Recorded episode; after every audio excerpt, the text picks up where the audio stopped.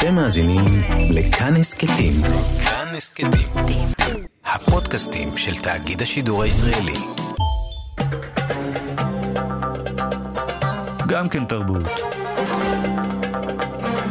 עם גואל פינטו.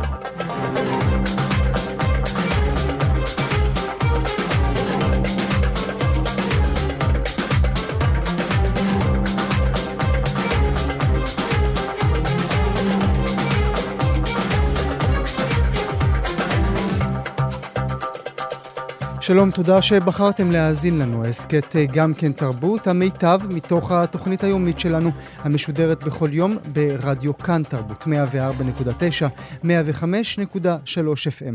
תהנו. גם כן תרבות. עם גואל פינטו. והנה, אנחנו מתחילים מיד עם הנושא הראשון שלנו לבוקר זה. מהעבד עד uh, ינטל בחור ישיבה, משונאים סיפור אהבה ועד שושה. יצחק בשבי זינגר, מגדולי הסופרים בעולם, בוודאי מגדולי הספרות האידית, הלך לעולמו השבוע לפני 30 שנים בדיוק. למרות שהוא לא חי בינינו כאן בישראל, תחילה נולד בפולין, אז היגר לאמריקה, הוא תמיד יהיה משלנו, מספר הסיפורים היהודי שתיעד חיים של מעונים וצדיקים של חולמים ושל אנשי קבלה, כמו שהוא אמר בעצמו. הוא הגיע הכי רחוק שסופר יכול להגיע אליו, פרס נובל לספרות. בואו נשמע את בשביס בקולו כשהוא מזקק את כל ספריו במשפט אחד. I think that life itself is a mythos. If you look at life really with open eyes, you must see the mythos in it. There isn't such a thing as reality, just reality. Behind the reality, the other side of the reality is already a mystery, or call it mythos. In other words, for me, the mythos is the most natural thing. כמה יפה מיתוס, הדרך בה הוא הוגה את המילה. אני חושב שהחיים עצמם הם מיתוס, אה, אומר בשבי זינגר, אם אתה מתבונן בחיים בעיניים פקוחות, אתה חייב לראות את המיתוס שבהם אין דבר כזה רק מציאות. מאחורי המציאות, הצד האחר שלה הוא המסתורין, המיתוס. במילים אחרות, עבורי, אומר בשבי זינגר, המיתוס הוא הדבר הטבעי ביותר. כאמור, ביום שבת אנחנו נציין 30 שנים למותו. את הבוקר אנחנו פותחים עם נכדתו, הבת של בנו יחידו, ישראל זמיר, הפסיכולוגית הדוקטור מירב חן. בוקר טוב לך. בוקר טוב. תודה שאת נמצאת איתנו. תודה לכם. את יודעת, אני אומר אה, בנו יחידו, אנחנו בטוחים שמדובר בבנו יחידו, וזה כמובן אה, בהקשר של כל האהבות שהיו לו במהלך חייו. בוא נאמר שזה הבן היחידי שהוא הכיר בו. הבן אה, היחידי שהכיר בו. היו... אולי, אולי, יש, אולי יש נוספים, אבל uh, הוא הכיר באבא שלי כבנו יחידו. אז uh, אנחנו נישאר אז עם אנחנו האמיתות. נישאר עם ההגדרה הזאת, זה, זה נחמד שאנחנו ככה מחייכים. את יודעת, אה, אבא שלך אה, בריאיון, אבא שלך זכרו לברכה כמובן, אמר בריאיון שהוא מעולם לא קרא לבשביס אבא. את קראת לו סבא? אה, כן, אני קראתי לו סבא, אני גם אה, רוצה להזכיר שפגשתי פה לראשונה בגיל חמש, וזה היה הדבר הכי אה, ברור מאליו, אה, כי עוד לא הייתי בתוך נפתולי או סיבוכי החיים. אז אה, כן, קראתי לו סבא, ולא נפגשתי איתו במהלך החיים כל כך הרבה פעמים, אבל אה, בהחלט בפעמים שכן פגשתי אותו ודיברתי איתו ואפילו כתבתי לו מכתבים, זה תמיד היה אה, פנייה ב- כסבא. כסבא. את אומרת, פגשת בו לראשונה כשהיית אה, בת חמש. הוא נכון. כבר היה בשביס? הוא כבר היה בשביס, אה, זה היה בעצם, אם אני ילידת 61 והסגרתי את 60 שנותיי, אז uh, הפעם הראשונה שפגשתי אותו היה בסוף שנת 65, והוא עוד לא היה סופר מפורסם, למרות שכבר היו... אה, הנובל היו הגיע לו- ב-78, נכון? נכון, אוקיי. נכון. אבל הוא כבר היה בהחלט אה, סופר ידוע, הוא בהחלט כבר היה בברנז'ה הנחשבת, Mm. ואני כן זוכרת אה, אה, איזשהו מפגש עם, אה, עם סופרים ואנשים אה, אה, ככה מהברנז'ה שלו בתור ילדה. אני לא זוכרת סבא רגיל. מעניין אותי, אנחנו נדבר על האי רגילות שלו, אם זו בכלל מילה בעברית, כן? כי החיים הפרטיים שלו היו לגמרי לגמרי לא רגילים. אבל עוד לפני כן מעניין אותי, האם את השיחה הזו, הדוקטור חן, אנחנו מקיימים עם אה, אה, מירב שאוהבת את הספרות של בשביס, או עם הנכדה של בשביס, או עם הפסיכולוגית שבוחנת את חייו של בשביס. זה מעניין, גם אני חשבתי על זה, בוודאי אה, זה לא מתחיל מהפסיכולוגית, כי אני... אה, אין לי מומחיות, אני לא חוקרת את התחום הזה, אה, ולכן אה, אני חושבת שקודם כל אני מדברת כאדם, ש... כנכדתו. אה, כי אני גם רוצה להביא דברים שקשורים למשפחה, לסיפורים המשפחתיים. מעבר לכך, אני אוהבת את הספרות שלו, אבל גם אמרתי שאני אוהבת ספרים רבים של סופרים רבים אחרים. זאת אומרת, הוא לא, הוא לא בשיא הרשימה שלך. תראי, אני לא יודע, אני, אני, הבן של, אני הבן של גבריאל והנכד של אבנר, כן? זה לא... אני, לא יודע מה זה כשיש לך סבא שהוא חתן פרס נובל לספרות. זה משהו שנושאים אותו כל החיים, 60 שנים? אה, אני חושבת שכל עוד אבא שלי חי, וזה היה לפני אה, שש שנים, אה, לא ממש נשאתי את זה, כי ידעתי את זה מאבא שלי, כל פעם אה, אה, שמענו סיפורים, היו כל מיני אה, דברים, אבל באמת, באמת, גם אבא שלי למרות שהוא התראיין והיו כל מיני מפגשים והוזמן להרבה מקומות, אה, לא הביא את זה בצורה מאוד נוכחת הביתה ולמשפחה, ולכן אני חושבת שמדי פעם הייתי נזכרת בזה, אני עובדת במכללה האקדמית בתל חי, ובמשך המון שנים אה, אף אחד בכלל לא ידע, כי אני לא... אה, אמ, מספרת על זה או לא מציגה את זה בדרך כלל. Mm-hmm. מאז שאבא שלי נפטר והטיפול בכל הדברים שקשורים לסבא שלי, אה, ויש, הוא מתורגם ו- ונוכח בהרבה מאוד ארצות, אה, עבר בעצם לטיפול שלנו, ארבעת הילדים. ו- ומאז בעצם זה הרבה יותר נוכח בחיי, זאת אומרת אפשר לומר, רק אחרי גיל 50. רק אחרי גיל 50. אה, אה, יפריע לך אם נניח את אבא שלך רגע על אה, כורסת הפסיכולוג?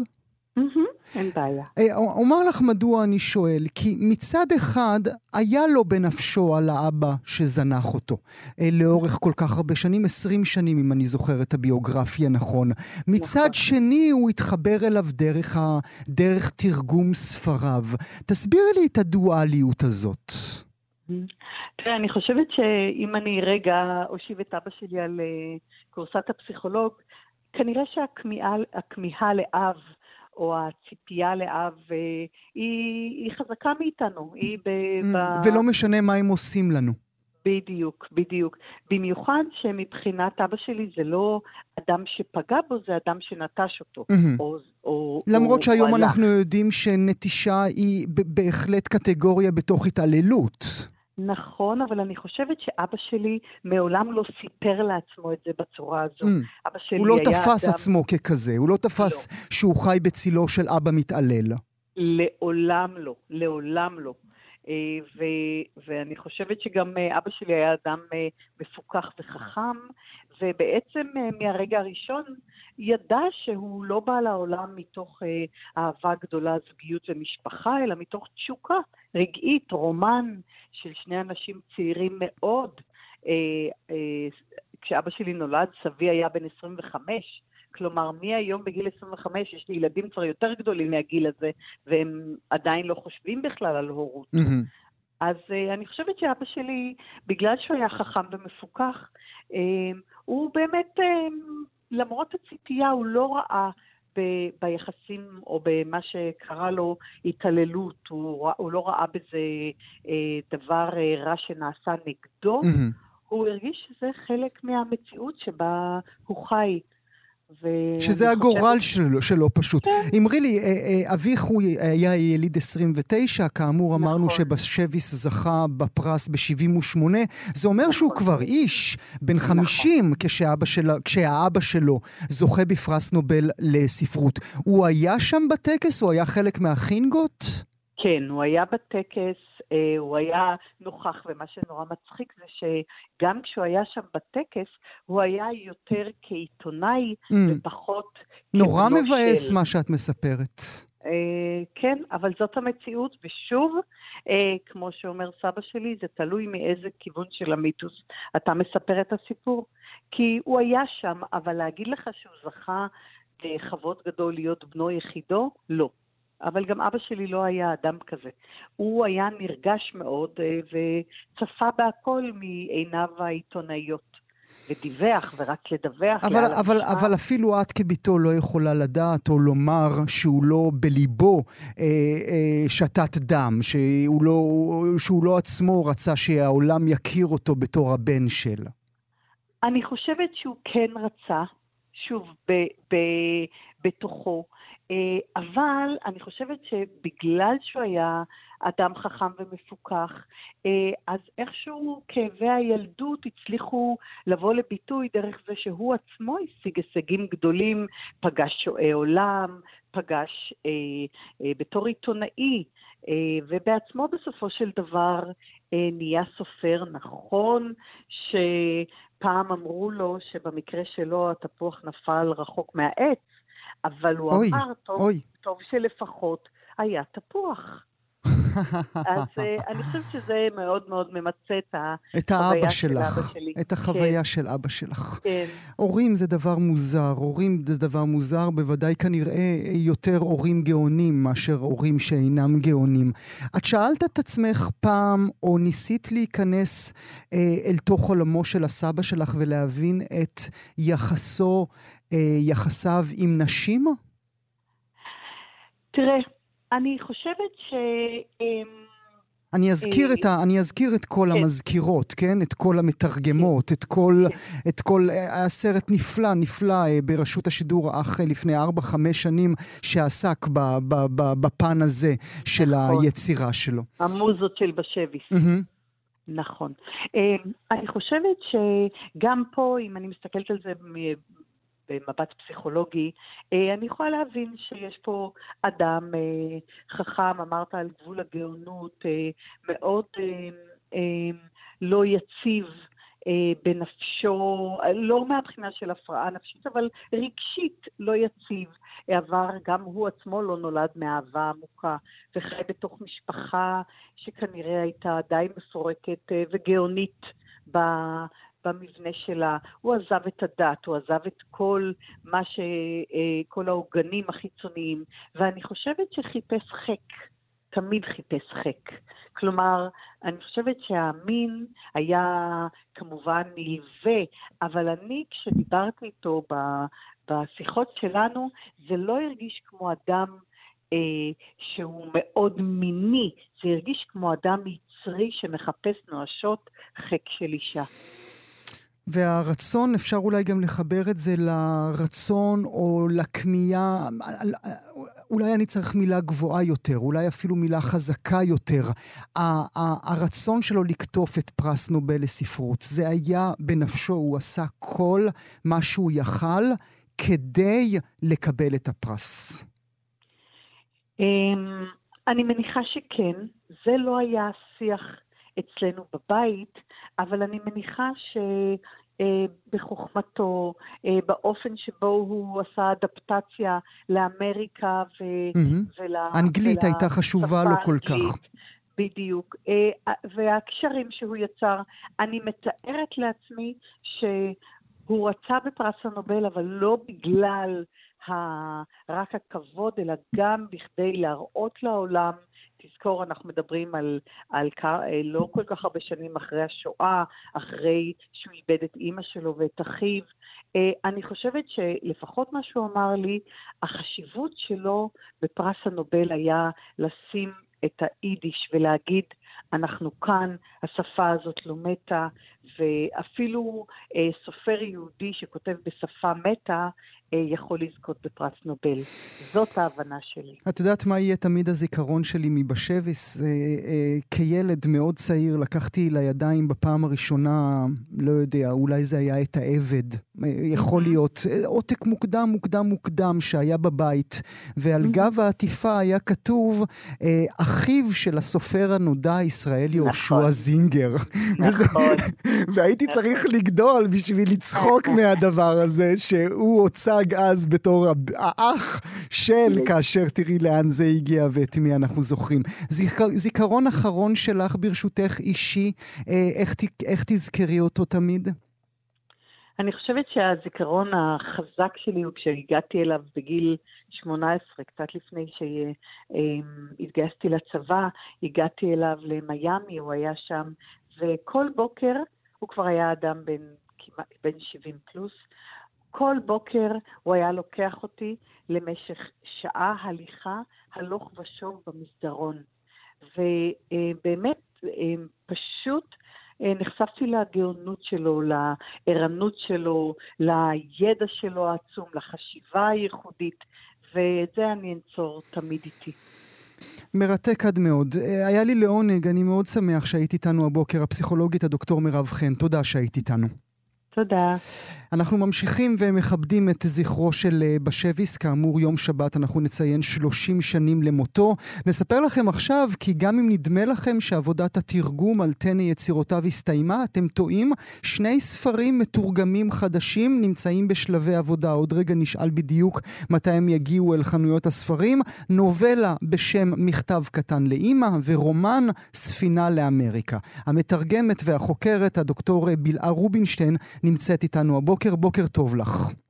בוקר טוב גואל, בוקר טוב לכל המאזינים. אני קצת שמח כי אני איתך אה, סוגר סריה, כמו שאומרים בקלפים, סדרה, כי ראיינתי כבר את אחיך יוסף בר יוסף, ראיינתי את אחיך יצחק בר יוסף, והנה הגעתי אלייך. אז סגרתי את כל המשפחה. נכון, אז נכון. הנה, לעונג, לעונג. אנחנו משולש. אתם משולש, וכמובן כולכם, גם, גם אתם אה, ילדים של אה, כותב ענק, הסופר יהושע בר יוסף. כולכם, אה, את חושבת שה- שהיותך הבת של יהושע בר יוסף, זה מה שהביא אותך אל בשביס? לא רק שאני חושבת, אני יודעת את זה. מפני שתמיד, תמיד העמדתי מול העיניים את שניהם. שניהם היו ג'ינג'ים. שניהם היו אנשים עם יצרים מאוד מאוד מאוד חזקים. ושניהם תמיד דיברו על כך שהם אמנם התנתקו מהעולם הדתי, ההלכתי, כי אבא שלי היה אפיקורוס, כמו. שאומרים, בעל כורחו, כן. ו...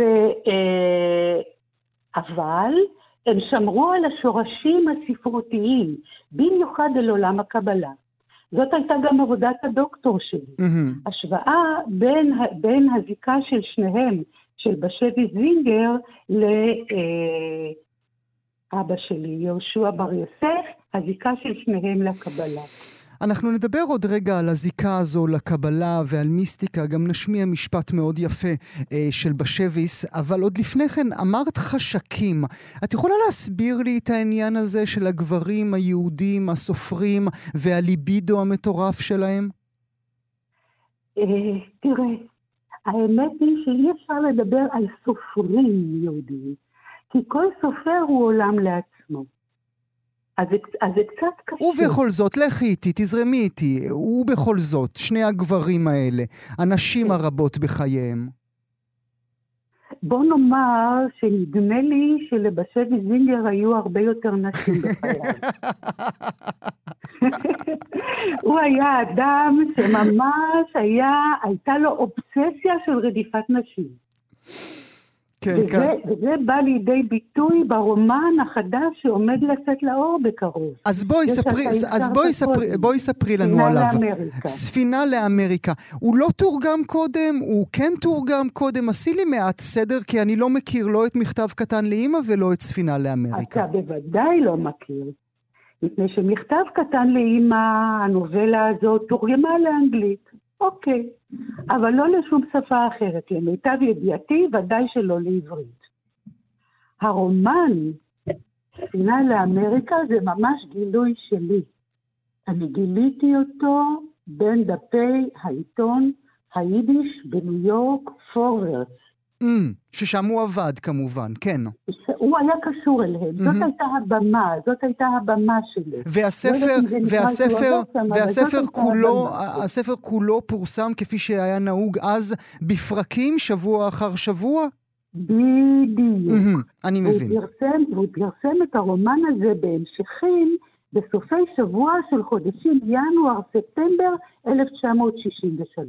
טוב, את הורגת אותי פה עכשיו. מה, מה בליבו של ספינה לאמריקה? עכשיו, מה, מה בליבו? כאן ישנה, כאן ישנה הטראומה שהוא בעצמו עבר, וכשהוא היגר מפולין לאמריקה. אתה יודע מה, לפני שאני אדבר, בוא אני אקרא לך כמה מילים מתוך ה, אה, פסקת ההקדמה שבשביס כתב. הוא בדרך כלל לא כתב הקדמה מהמם, ליצירות שלו. בבקשה. ליצירה הזאת הוא כתב הקדמה. אתה רוצה שאני אקרא? בשמחה, בשמחה. אז הוא קרא להקדמה הזאת כמה מילים תחילה, ואז הוא כתב כך: ספינה לאמריקה כתוב בגוף ראשון, אבל זה לא ספר זיכרונות אישי, אלא רומן. גיבורי הרומן הם דמויות בדיוניות, וכך צריך להתייחס אליהם. מי שמייחס את מעשה הגיבור למחבר, או מנסה למצוא דמיון בין הגיבור ובין אישיות זו או אחרת, טועה טעות טיפשית. איזה יופי. ברומן הזה יש מיזוג בין מציאות ריאלית ומציאות בדיונית. איש אינו יכול להפריד ביניהם. והדבר אמור גם במחבר וגם בקורא. ספר זה צריך להיקרא כיצירת ספרות יפה. יפה מאוד, יפה, י"ב. י- י- יפה. מאוד. למרות שאת אומרת לנו שזה כן מספר את סיפור חייו. וואי וואי וואי, האיש הזה שם על עצמו מסכה כדי להסתיר דברים שהוא לא רוצה אולי, או שלא, או שקשה לו לגלות, ודווקא מפני שהוא שם על עצמו מסכה כזאת, הוא חשף את עצמו בצורה, מה אני אגיד לך? חבל על הזמן. וזה תורגם ביידיש, זה, זה נכתב ואני ביידיש. תרגמתי את זה מיידיש, מהמם. וכשהוא יצא לאור, זאת תהיה הופעה בכורה עולמית של הספר הזה. איזה הוא זכות, לא יצא לאור, איזה זכות. זה, לא ב... כספר ביידיש, לא כספר בשום שפה אחרת, הוא פשוט ישן כמו הנסיכה הנרדמת בין דפי הפורוורד. וגם הוא וגם מכתב קטר, קטן לאמא אמורים לצאת בהוצאת פרדס. את יכולה לתת לנו זמנים פחות או יותר? אה, אני יודעת ששני הספרים האלה נמצאים בשלב של עימוד סופי. זאת אומרת שזה לא סיפור ארוך. אני מקווה, אני מקווה שזה יהיה בקרוב. מה שברור זה שהמעורבות שלי בתהליך של ההפקה כבר הסתיימה. כבר הסתיימה עם עבודת התרגום. הדוקטור, הדוקטור רובינשטיין, אני רוצה רגע, ממש ממש לסיום השיחה שלנו, כי לצערי הרב אני צריך לסיים. אני רוצה להשמיע לך את בשביס ביידיש, אה, אה, כמובן את תביני, אבל האחרים פחות, אני אתרגם עבורם, וזה יביא אותי לשאלה האחרונה שאשאל אותך, בנוגע ליחסו לישראל. בואו נשמע.